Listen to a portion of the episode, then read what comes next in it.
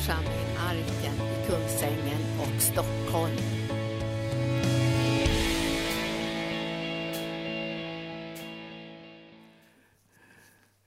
Det fanns ju en eh,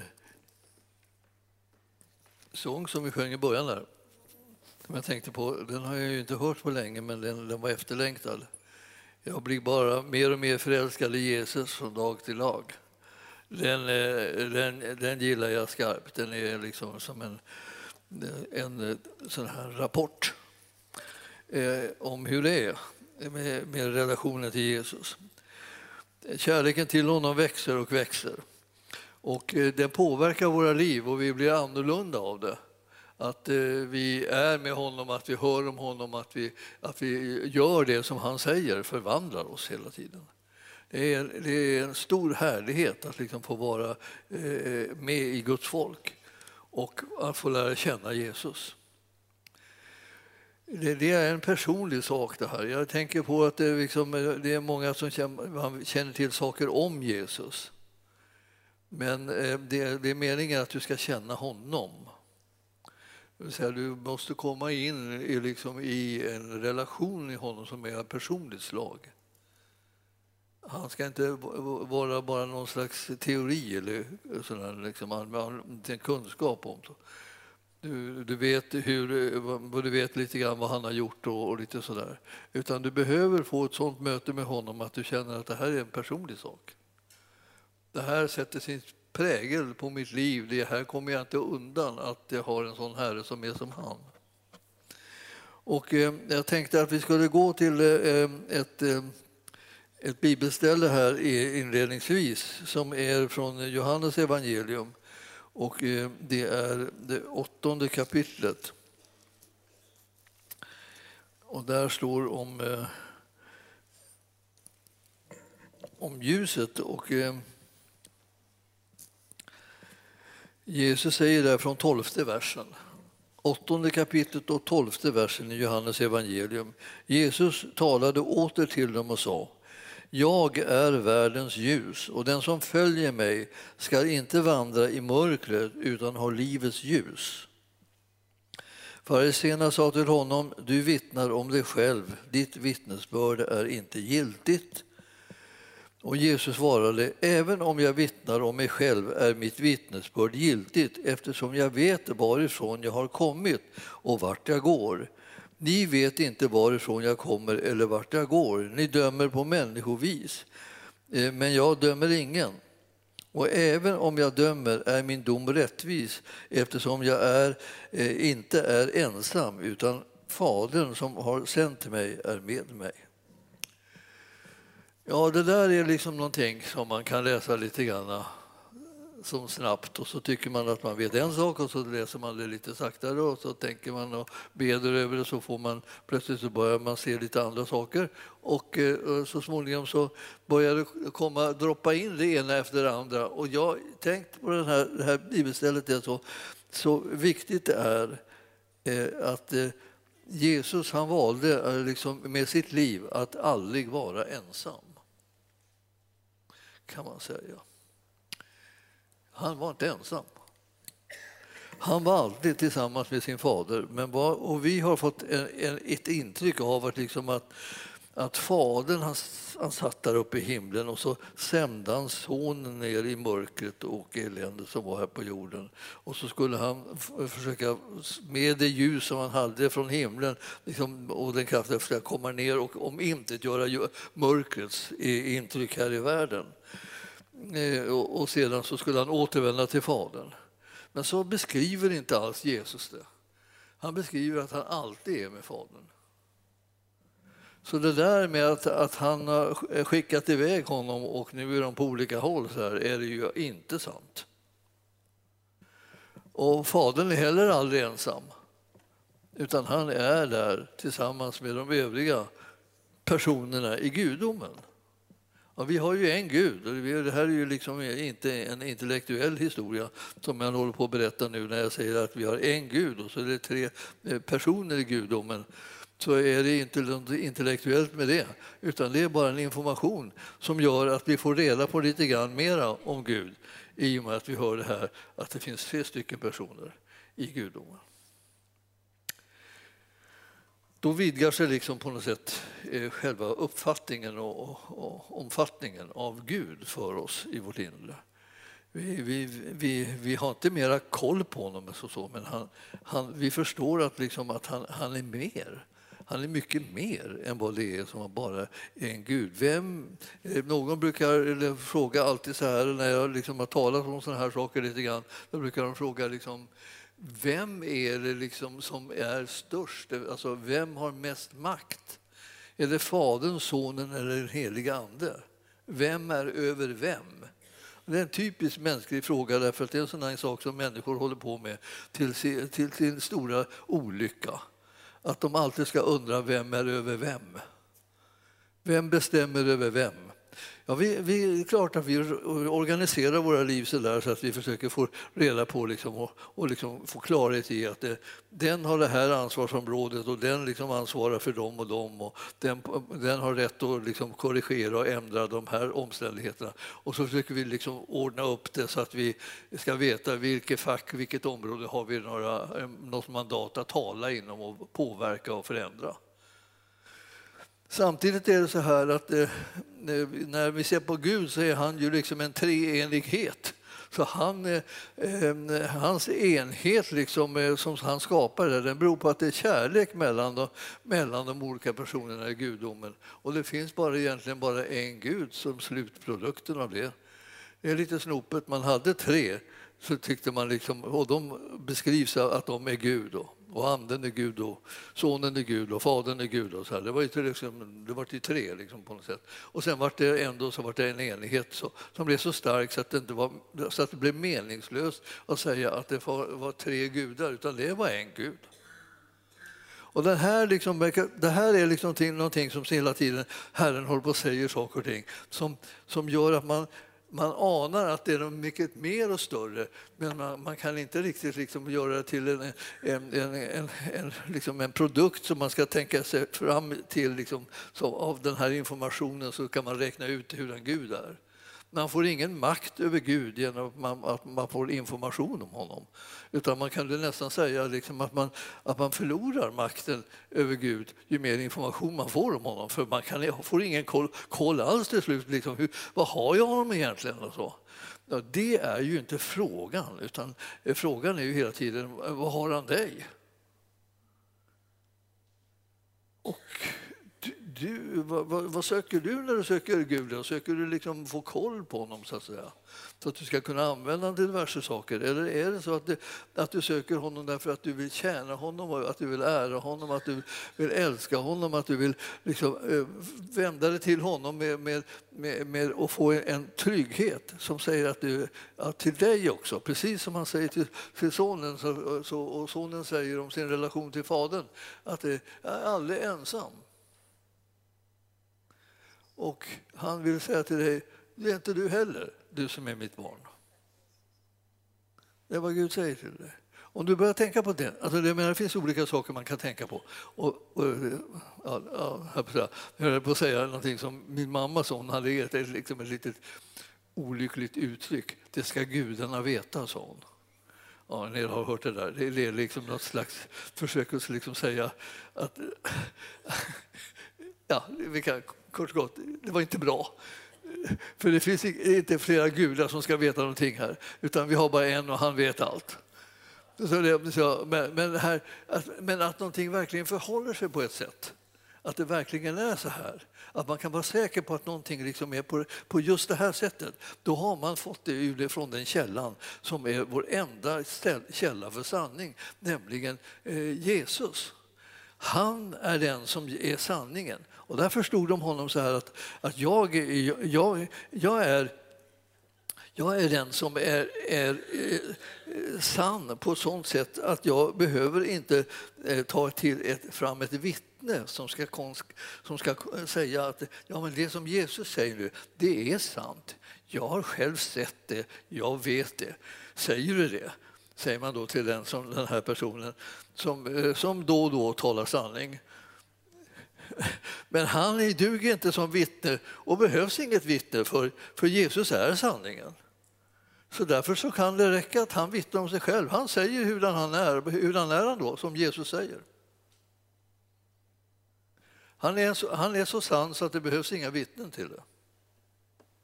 Det behövs ingen som kommer och liksom bekräftar att det som Jesus har sagt är sant. För han är sanningen. Då när man har en sån här herre som är sanningen på det här sättet, då är det nästan så att man kan säga det, det är liksom lite annorlunda. Man är van vid att man, man kan ifrågasätta liksom folk att det är liksom på sin plats. Och, och vi har ett helt skolsystem som liksom man lär sig liksom ifrågasätta saker. Eh, om, man, om man kan hitta på en invändande fråga eller något sådär, då, är man, då är man bra. Då är man precis som man ska i det systemet. Därför att det liksom gäller att hitta invändningar. Det gäller att ha ifrågasättanden. Men här när man möter Jesus så gäller inte det längre. Det gäller att acceptera och ta emot det som han säger som fullständigt sant. Det behövs inga, inga extra bevis för att Jesus är sann, mer än att han är sann. Och det här är ju så annorlunda så det, det är ju nästan inte klokt. Man, man, man, när man läser så har man svårt att förstå vad man läser. Men han säger att jag, även om jag vittnar om mig själv så är mitt vittnesbörd giltigt eftersom jag vet varifrån jag har kommit och vart jag går. Och, och, ni vet inte varifrån jag kommer eller vart jag går. Och då när han säger det så säger han samtidigt så här, ja, ni förstår att det är så här, att ni vet inte varifrån jag kommer eller vart jag går. Och så är det nämligen med var och en som är ledd av Herrens ande att man vet inte varifrån den kommer eller vart den går. Så, så här är det med Guds barn överlag. Man vet inte varifrån de kommer eller vart de går. Det är väldigt, väldigt ansträngande liksom för de som har en annan fader än Gud. De som har liksom, eh, djävulen som sin far. De vet inte vart de här, eh, de här troende eh, de här kristna barnen eller de här gudsbarnen, varifrån de kommer eller vart de far. Det är det ständiga dilemmat. Vi har pratat om det flera gånger. så här. Ni vet det här från Johannes 3, där det står liksom att så är det liksom med de här som är, eh, är ledda av anden. Man vet inte varifrån de kommer eller vart de far. Och så kommer du och jag på ett tre. Ja, men det är ju en sån som jag. Jag trodde det var alldeles uppenbart varifrån jag kom och vart jag for. Alltså eftersom jag själv kan liksom ha någon slags viss koll på det och jag vet att min Herre vet var jag är också och var jag än är så är, är, är han också där, har han sagt. Det, det, går liksom inte att komma undan honom. Det, det känner ni igen om ni har läst 139 salmen i Psaltaren. Alltså, vad ska, vad ska, vart ska jag gå för, för ditt ansikte och var, vad ska jag ta vägen? Hur ska jag komma undan dig? Vart jag än går så är du där i alla fall. Och då kan man tänka att det var ett ruskigt spioneri på mig. Liksom. Att, att, när han håller på att kolla mig överallt. Va? Var, vart jag än tar vägen så är han där. Liksom. Så, att, och så vänder jag mig så står han där, så vänder jag mig dit så står han där. Var, var, var, var ska jag ta vägen? Liksom? Ja, vart skulle du ta vägen? Var det inte dit du skulle? Dit där han är. Och han säger alltså, jag är där du är. Och så, då står du där och så märker du plötsligt att det finns en annan tolkning. Du kan tolka det här som någonting skönt och härligt. Jag är aldrig ensam, jag är aldrig övergiven. Han vakar över mig överallt, under alla livets omständigheter, överallt jämt. Han är alltid med mig. Det kan jag tänka på istället för att jag tänker på att det är någon slags eh, liksom, hemlig polis som är ute efter mig och jagar eh, och kommer på nu är du där och nu är du där. Och jag ser det nog. Jag ser det, ja, jag vet, det. vet nog var du är. Ja, alltså, visst, men det är ju det jag längtar efter. Att han alltid ska veta var jag är och vara med mig där jag är. Det är ju det som du vill. Ja, men så är det ju också. Och Jesus säger liksom att det, det, här är, det här är en sanning som han, som, han, som han talar om för dig och mig. Att det är, på det, att det är så här det här förhåller sig. Och jag tänker därför att när vi läser till exempel här eh, eh, ni, ni, ni, som eh, tänker på de här sätten på fel, eh, eh, på fel sätt om de här, de här sakerna, ni, ni, ni, ni dömer ju på människors vis. Och jag dömer ingen, säger han. Så det är väldigt skillnad att ha Jesus med sig som inte dömer någon.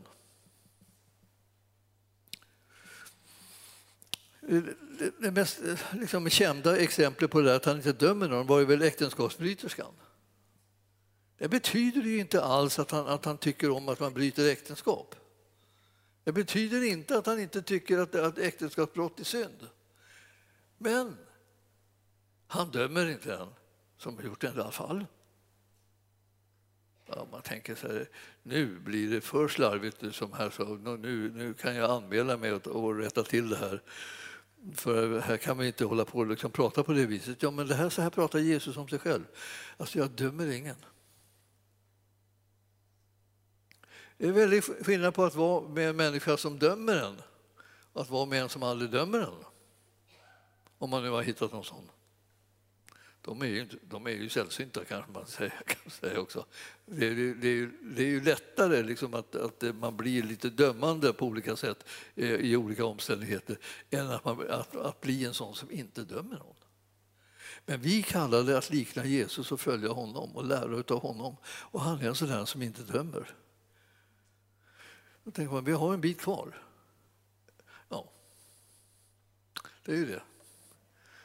Och hur ska man då hur ska man få rätt, rätt sida på det? För att jag menar, om jag tänker att det, det är jag som är problemet och det är du som är problemet. Liksom vi, det, det, vi har ungefär samma problem, då, liksom, så att vi glider in i det här att vi ska gå omkring och, och döma och bedöma liksom, liksom andra människor. Så jag tänker att vi ska få komma ut ur det och vi har en vän som alltid är med oss, som inte dömer någon. Om vi då fokuserar på det här, att vi, att vi är med honom, att han är med oss så börjar vi kanske det här som han håller på hur han tänker, hur han säger och vad han tycker och hur han bedömer situationen. Alltså det kanske börjar smitta av sig. Om vi börjar tänka lite grann på vad det är han har på sitt hjärta och hur han, hur han ser det hela så börjar det liksom sätta sin prägel på våra liv. Vi får en annan prägel, vi får den prägel på livet som vi egentligen vill ha. Nämligen att vara lika Jesus istället. Och han dömer ingen. Så egentligen vad vi längtar efter är att vara sådana som inte dömer någon. Och då kan man naturligtvis sätta ett finger i, i bröstet på sig själv och säga sluta! Ja, med dina, att döma. Jesus dömde inte, du ska inte heller göra. Sluta! Släpp, släpp människor fria. Det är inte därför att du inte vet vad som är rätt och fel, inte därför att du inte kan skilja mellan gott och ont, utan därför att du är inte domaren. Ja, och man tänker, ska man bara låta människor göra hur de vill och när de liksom gör massa saker som inte är bra? Så ska man bara låta dem göra?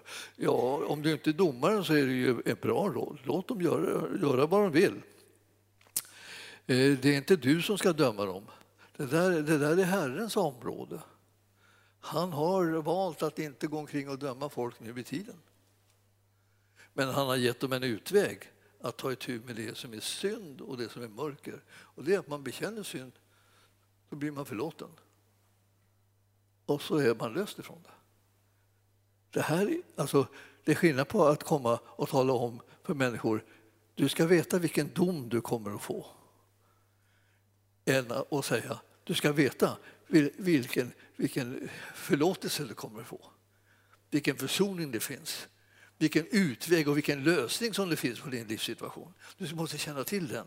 Vad är det för någonting? Det är evangelium. Vårt uppdrag är att predika evangelium. Det är ingen konst att predika dom. Vi alla sätter igång och sätter ett förstoringsglas på oss alla så är vi alla dömda. Liksom, och, och, och, sitter vi där förlamade och, och, och bundna och danna. Men om vi får höra evangelium, då får vi höra liksom att Herren han har gett sitt liv för oss så att det finns förlåtelse och nåd till varenda människa. Vårt uppdrag är evangelium. Jag vet inte vet hur jag ska... För, för, alltså, ni förstår, vi får inte byta jobb och tro att vårt uppdrag är att döma människor. Det är det inte. Vårt uppdrag är att predika evangelium. Om tänker, vem ska döma dem då? Strunt i det du, det är inte din uppgift. Ja men, ja, men någon måste väl sätta igång och döma dem. Jag menar, det är mycket synd och fruktansvärt mycket synd. Det finns i den här världen, det är så fruktansvärt. Och så man blir alldeles så man kan, ja, ja, ja, Men det förstår, evangelium är bote, botemedlet. Evangelium är botemedlet. Så om vi kunde få liksom, tänka, Jesus hjälp mig att tala evangelium istället för att tala om dom och avslöja synd. Åh, så mycket synd. Ja, hela världen är full med synd. Alltså det, det, är ingen idé att fokusera på det. Man blir bara trött och ledsen. Eller arg eller något. Någonting sånt där som inte gör en liksom, glad. Det, det, blir man. Men om man fokuserar på evangelium så blir man nästan häpen över liksom hur, hur god Gud är. Vilken kärlek han har till människor. Vilken fantastisk lösning han har gett till oss. Så eh, det, kommer, det kommer en massa människor som, som, som inte har förtjänat kommer undan straffet. Är det inte härligt? De borde straffas. Och det, och det, och det är klart att alltså, de borde straffas. Det är, liksom, det, det, jag ska säga, det är något rätt med, något rätt med det. Va? Och, och det. Men sen är det det att du känner inte till evangeliet. Evangeliet handlar inte om att synd inte bestraffas. Utan evangelium handlar om att synd bestraffas. Men inte syndaren, utan Jesus. Han bestraffas för synden som syndaren har begått, men syndaren bestraffas inte. Det är inte klokt. Vem skulle inte vilja ha ett sånt erbjudande? Va?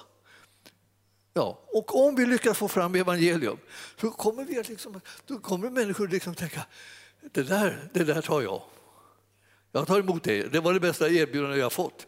Jag kommer inte bli bestraffad för min synd, jag kommer bli fri från den. Alltså, och därför att han älskar mig så mycket så är det, här, är det på det här viset. Och han tar på sig straffet och han dör i mitt ställe. Och därmed så går det inte liksom att straffa någonting mera för den saken. För döden är det lite yttersta straffet. Ja. Och sen då? Ja, sen får du evigt liv, du som tror på det här. Gud, alltså Gud vill vara med dig. Det börjar ju redan här. Han vill vara med dig.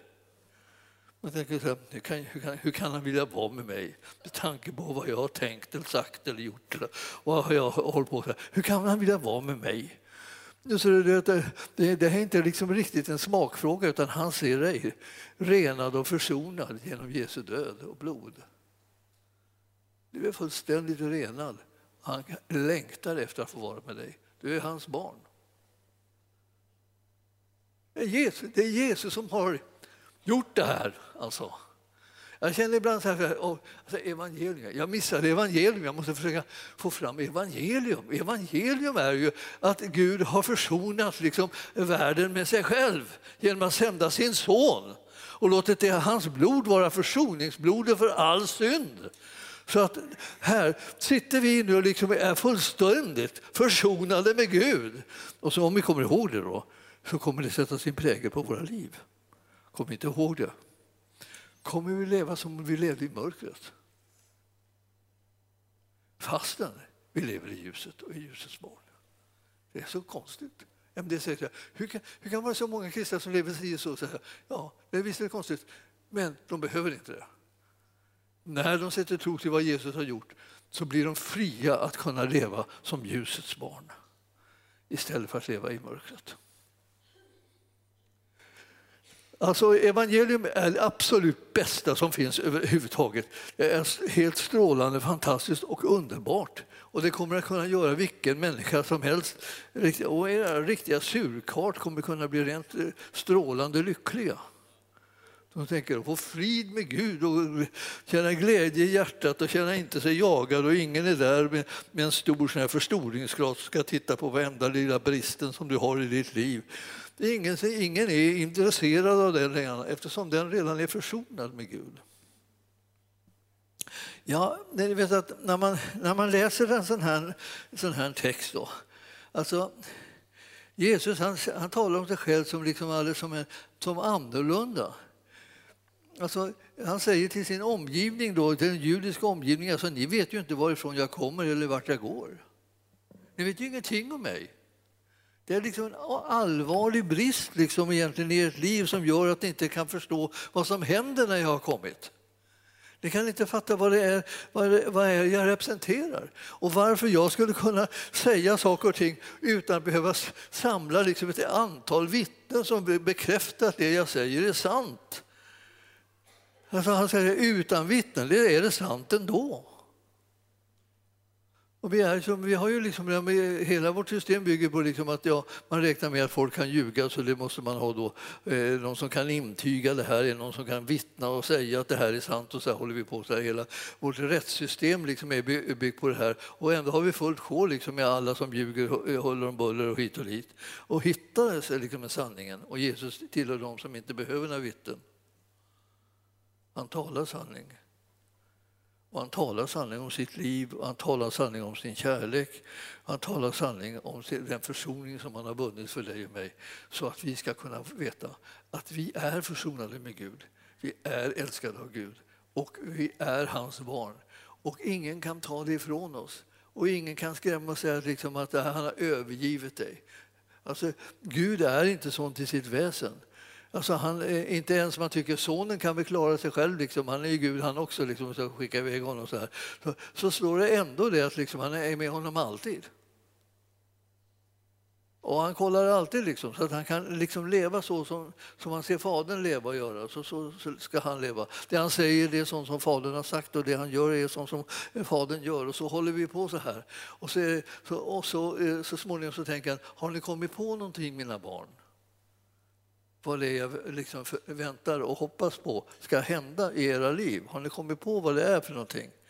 Och ni ska göra precis som jag gör i förhållande till Fadern, så ska ni göra i förhållande till mig. Den som har sett mig har sett Fadern, säger Jesus. Ja, ja, ja, ja, ja. ja. Och eh, Jesus han gör ingenting annat än det han ser Fadern göra. Vad, vad tror ni att ni ska göra? Ingenting annat heller. Alltså det här är liksom en, en, en kallelse till ett, liksom ett fokus på Jesus. Om vi inte fokuserar på Jesus kommer vi göra alla möjliga andras gärningar än det som Jesus vill ha gjort.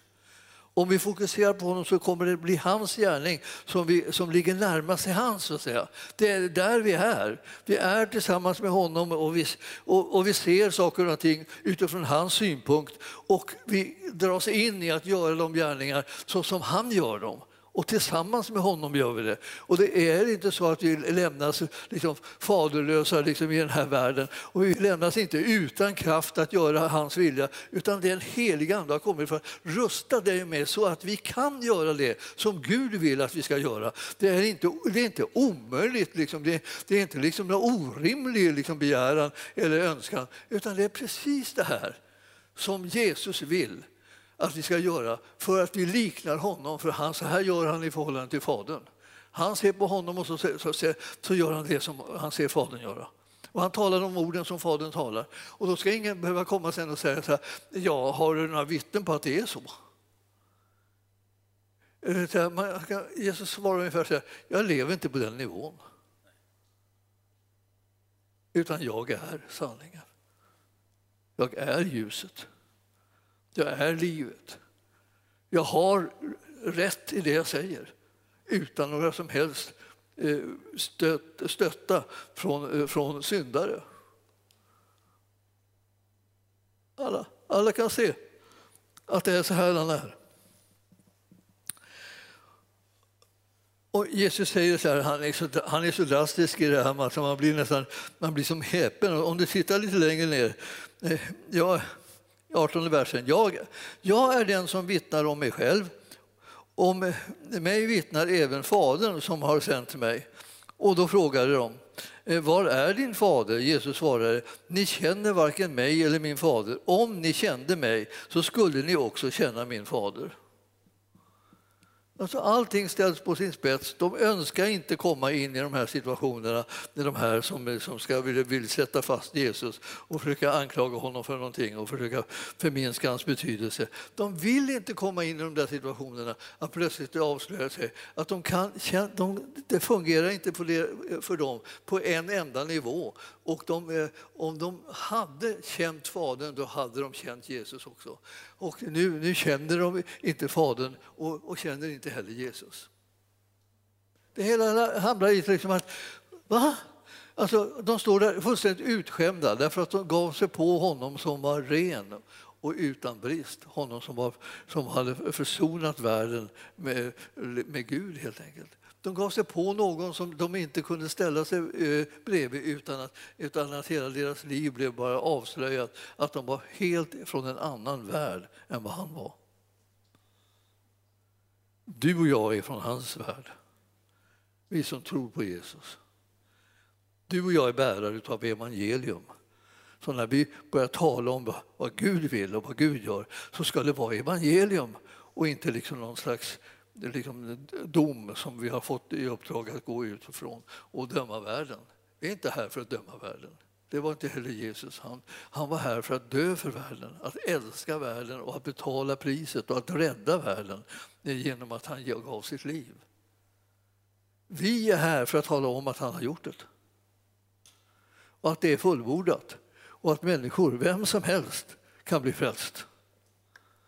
Det är, så, det är så radikalt det här som man, liksom, att man, man kände eh, under, under viss tid när man får höra det här så tänker man så här, att det där är för bra, det får inte vara så där bra. Det, det, det, då kommer alla möjliga människor undan. Ja.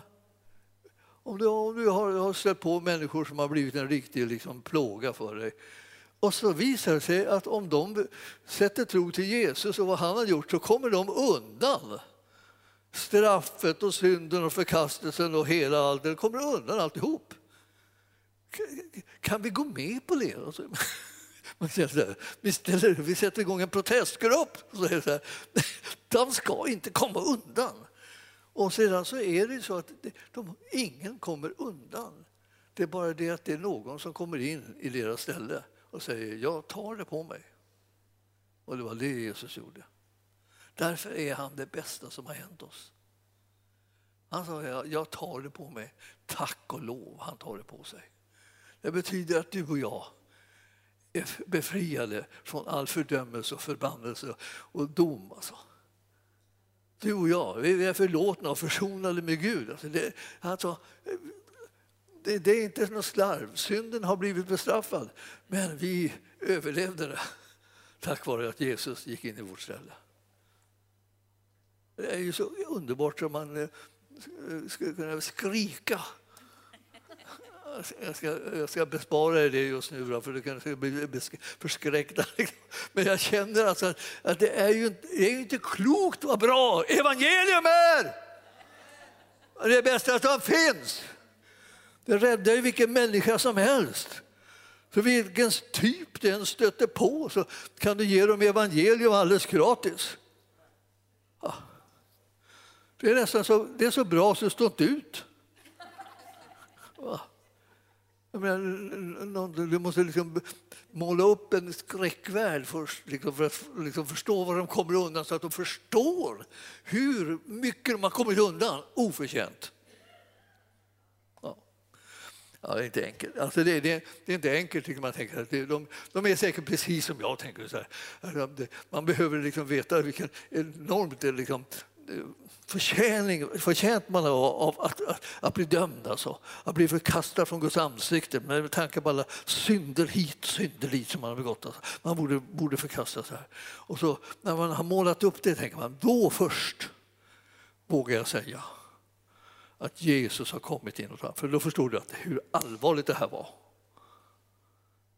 Men vet, det, det, man får ibland ett intryck av att det tar ett tag innan folk förstår någonting av allvaret i det hela. De kanske aldrig förstår allvaret, de kanske bara blir glada och struttar vidare i livet. Och så tänker de, vänta ett tag, det här gick inte bra. De bara liksom trodde att det var helt okej okay och bara ta det lätt. Liksom. Ja, eh, det är mognad så där, den kommer i lite olika takt. Och eh, en del av oss vet ju med sig att vi har mognat lite sakteliga. En del har inte märkt det ens en gång. En del kanske inte har mognat alls än. Men man blir lika frälst ändå, därför att det var ju aldrig vår gärning, det var hans. Det här är konstigt alltså. Ja, jag ska, jag ska ha ett annat bibelställe här. Ja, jag ska sluta också snart.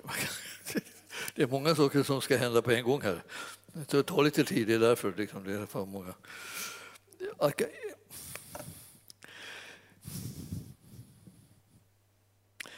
Ja, eh, om vi skulle gå till, eh, gå till det 17 kapitlet i Johannes. 17 kapitlet. 17 kapitlet då. Det var, det var vers 17 också. Var det 17, 17.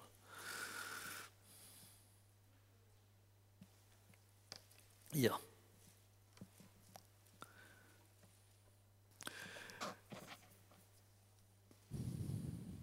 Det är det här med vart man hör hemma.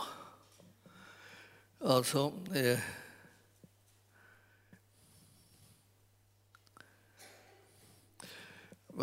sedan du har tagit emot Jesus hör du inte hemma i den här världen, det vill säga du har inte den här världen som din hemvist. Du är bara här. Och man kan säga att du egentligen är på besök. Eh, jag brukar ibland prata om, om, om, eh, om, om en, en eh, ortodox präst ehm, vars namn jag tappar bort nu precis i hastigheten. Men den, denna ortodoxa präst han levde i slutet av 1800-talet, början av 1900-talet och han, han, hade, han hade en svaghet, han älskade sådana här eh, eh, silkes eh, dräkter. Alltså han hade stora såna dräkter som de var fotsida eh, dräkter som han gick omkring i silke med fantastiska färger och grejer på. Så här. Eh, det var hans svaghet här i livet. Annars så levde han liksom ytterst magert och spartanskt eh, eh, i, i en, en sån här hamn, hamnstad inne i Finska viken. Hette Kronstadt hette den. Och eh, hette han Fader Johannes? Nej. Ja. Det kommer efter en stund. Eh, han, han, han, har skrivit en, eh, eh, skrivit en del skrifter och, och, och talar om liksom hur, hur man följer hur man vandrar med Gud. Och så har han sagt att jag har fått i uppdrag att, att liksom ha en liten packning. För jag ska ändå bara vara här ett kort ögonblick och jag ska inte dra med mig någonting av det som jag egentligen har här till dess plats som jag ska. Utan jag ska är på väg till himlen och dit behövs inte de här grejerna som jag egentligen har här. De här är bara här, de kan jag lämna sen. Eller så. Så att, och det var det. Det enda man var svag för var vad han skulle göra med de här fina dräkterna. Han bekymrades över att han hade ett visst, ett visst sug efter dem. Och det var så egendomligt därför att han var så, han var så enormt from man och, eh, och han var en, en bedjare. Han samlade liksom kyrkan, folk till kyrkan och, eh, eh, och så han hade kollektiv, kollektiv syndabekännelse.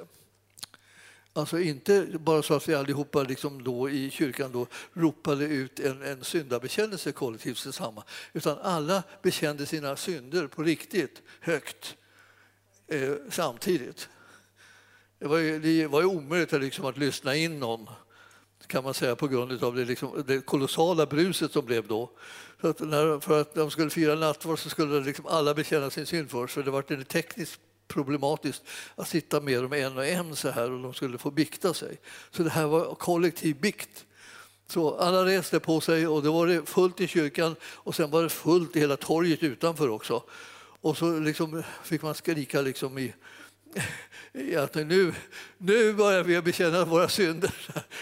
Och då satte det igång liksom, och så kom det en ström inifrån kyrkan liksom med, med dån av de här synda, syndabekännelser från folket och så ut på hela torget. Och, alla och sen så, eh, så gick han omkring och ropade ut liksom syndernas förlåtelse liksom bland folket medan han grät alltså som ett barn. Alltså han var så otroligt känslosam också. Den här så tårarna bara rann. Och så gick han där och, och, och under tiden blev människor helade i, i mängd. Alltså. Han hade en stark helande känsla här. Att det här, den, här, den här mannen alltså, han, han var en, en man som var bara på genomresa. Han hade liksom en, en, alltså han kunde, de kunde inte riktigt styra eller kontrollera honom. Han var, han var en sån där som man inte vet varifrån den kommer eller vart den far. Alla de här kontrollandar som finns här och där. Runt omkring Guds församling och ibland i Guds församling finns det olika typer av kontrollandar. Och de får man vara lite försiktig med. För, för att om de sätter igång och bökar med en så, så, får, så blir ens liv inte kul. Utan man måste kunna, kunna hålla sig ren från dem och hålla sig undan från dem så att man kan göra det som är Herrens vilja. Och det kan man göra i Guds församling, men man måste sätta tro till alltså att man är utom räckhåll för mörkrets makter. Och de som följer Jesus, de är utom räckhåll för mörkrets makter. Och jag menar med att följa Jesus är att man eh, går på de vägar som han går. Inte bara det att man känner till hur han är eller håller med honom eller tycker att han är bra eller, eller, eller, eller någonting sådär, utan att man, man är involverad i hans liv. Då kommer mörkrets makter inte åt dem, inte mer än man tillåter. Jesus han tillät ju mörkrets makter sedan att komma in liksom, och, och eh, göra sitt verk liksom, in i hans liv på grund av oss. Så att vi skulle slippa liksom, den här typen av plågoandar som, som, som annars kommer över mänskligheten. På grund av synden så uppstår det upp, öppningar. På grund av försoningen så uppstår det liksom lagade områden. Så att det är tätt och, det går, och man blir inte åtkomlig. Alltså jag, jag vill säga till att ni förstår att det här är, att följa Jesus är liksom någonting som är planlagt alltså från Guds sida att vi ska göra. Det är inte så att vi, vi ska bara bli förlåtna och eh, tack och lov, nu blev, blev vi förlåtna, nu, nu slapp vi bli dödade, nu slapp vi bli stenade, nu slapp vi bli förföljda, nu, nu, har vi, nu har vi blivit förlåtna. Nej, alltså, det, det är bara steg ett, bli förlåten. Steg, steg två är att vi är kallade att använda vårt liv till att följa Jesus. Precis som han gjorde det som han såg Fadern göra så ska vi göra det vi ser honom göra. Och vi ska säga de ord som vi hör himlen eh, tala så att säga, genom sin son. Så Jesus är den som talar och vi ska tala detsamma. Och vi ska sprida kunskapen om honom och den försoning som han har vunnit för alla människors räkning. Du kommer att chocka människor när du börjar predika evangelium så som det egentligen är. Nämligen att det är ett gratis erbjudande till var och en som tror på det som Jesus har gjort för dem. Och som löser dem från synden, skulden och straffet och domen. För att när man kommer omkring och går omkring dagen ända och tänker att jag är löst, jag är fri, jag är, det finns inget straff längre, jag, jag är försonad med Gud och, liksom, och jag är älskad av Herren och jag, eh, jag, jag, jag har tillåtelse att vara hur glad jag vill. Ni vet, liksom, det är liksom till och med i världen så här, vad, vad går du omkring och är glad för då? Jag har väl ingen anledning att vara så där glad. Man tycker liksom, du, du har ju mycket liksom, på ditt samvete, du borde inte vara så där glad. Eh, men, eh, men Herren säger att du, du har ingenting längre på ditt samvete. Du kan vara hur glad du vill. Och tänker ja, ja, ja. Lite, lite glad kan man kanske vara då. Man, har liksom, man, har inte liksom, man är inte beredd på det här att liksom evangelium skulle vara så på riktigt så att, att det skulle förlösa glädje. Men som ni har märkt på senare tid så har det kommit då och då sådana här typer av vågor. Och, och det, vi har en vi har en av våra talare som kommer till Mirakelkonferensen som har lite, lite grann av det här på, på sin lyra, eller vad säger jag? på sin kallelse och sitt uppdrag. Alltså att komma med glädjen till Guds folk. Att förlösa är glädje. Och vi har ju varit med om det förr, men den här, eh, den här tjänsten kommer ju från, från, vad är hon, från Mellanamerika. Är hon. Ja, vad är det? Guatemala. Ja. Eh, eh, eh, och, och, och en helande tjänst. Men ni förstår att, att det, det här med glädjen är liksom inte oväsentligt. Guds folk har varit kännetecknat, det är alltid kännetecknat om när vi har kommit in i väckelse, att glädjen har blivit högt, stått högt i tak. Vi har eh, rättigheter att vara glada. Vi har ingen, vi har ingen skyldighet liksom mot mörkret omkring och, och deppa och, och, liksom, och, och, och döma och, och fördöma och förkasta och hålla på så här. Bara för att det liksom försöka liksom bara förekomma att någon förkastar den innan man hinner förkasta dem. Så där man, man, hela, hela världens system liksom behöver vi inte ge någon ära, utan ge inte utrymme för det. Säg bara stopp till det och så ägnar du åt att uppmärksamma vad evangelium har gjort för dig. Så kommer din glädje bli allt mer fullkomlig. Det är givet, men det är inte riktigt upptäckt. Och den som ägnar lite tid att titta på det börjar upptäcka det mer och mer och kommer att märka att vad, vad, vilken glädje det kan bli. Vad mycket saker man kan låta bli att göra. Nu vet att nu för tiden har vi en massa sådana här eh, elakheter på nätet som man säger så. Folk skriver massa elakheter. Man försöker fördöma eller förlöjliga eller förkasta eller liksom, ja, på olika sätt tala illa om, om andra då, och tolka saker och ting dåligt. Om du är involverad i det, du, kan, du slipper vara involverad i det. Sluta med det bara. Du får massa tid över att kunna göra gott istället. Säga någonting uppmuntrande, någonting gott till människor istället för att säga elaka saker. Det är bara tips. Livet kan förändras rätt mycket bara man slutar upp i vissa saker och håller sig nära Herren så får man ny klarhet om vad ska livet egentligen innehålla. Hur, hur, mycket, hur mycket glädje, hur mycket tröst, hur mycket uppmuntran, hur mycket kraft finns det inte i evangeliet? Det är till för dig att leva av det och det är till för dig för att ge andra liv genom det.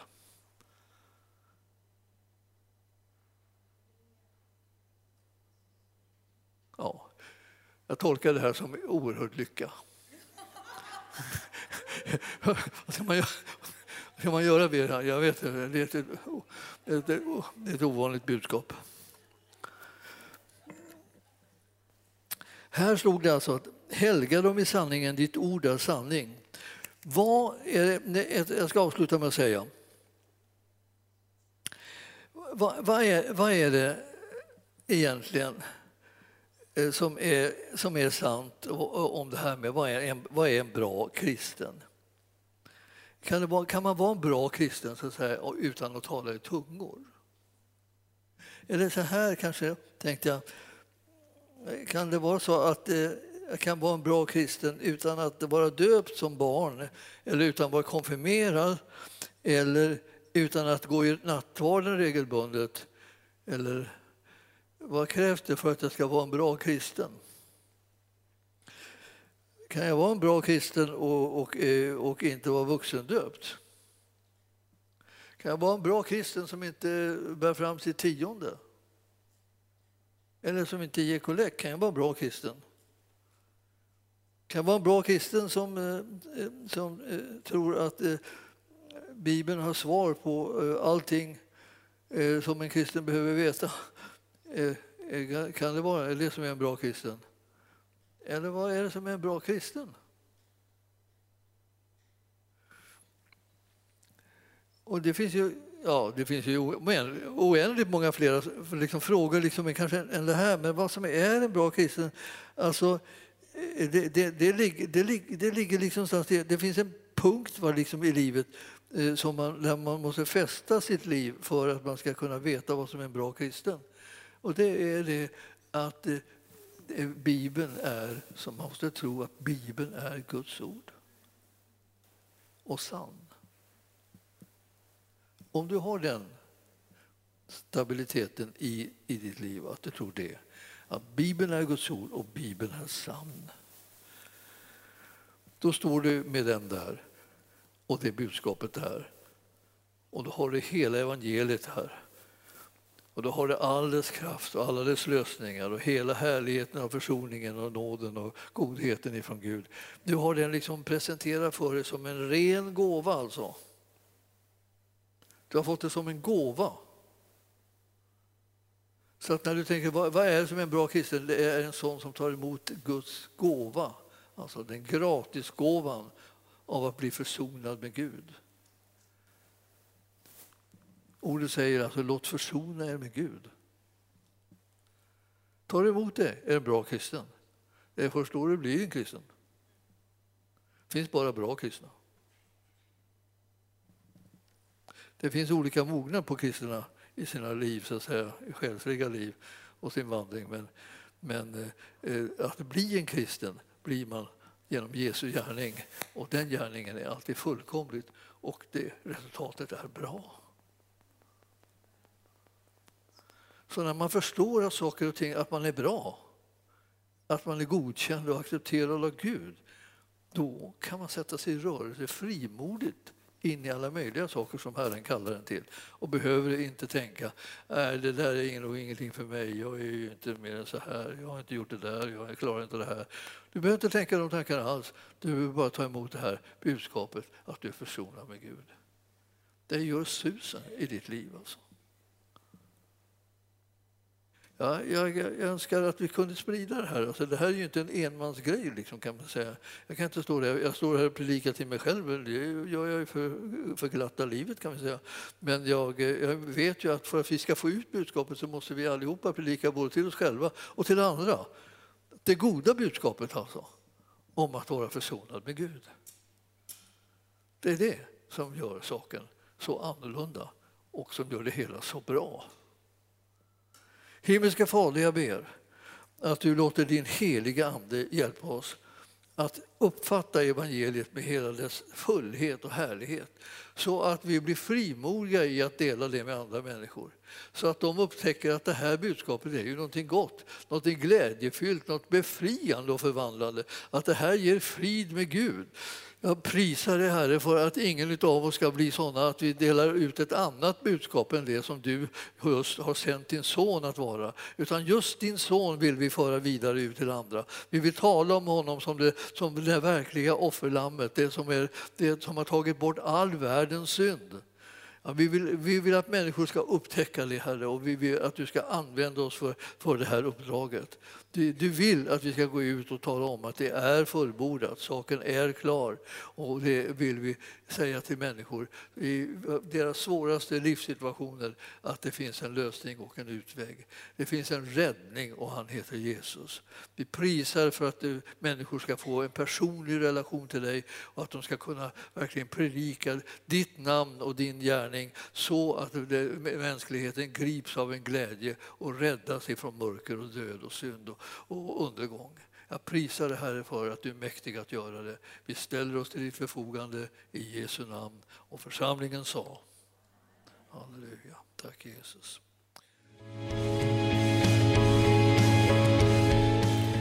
Tack för att du har lyssnat.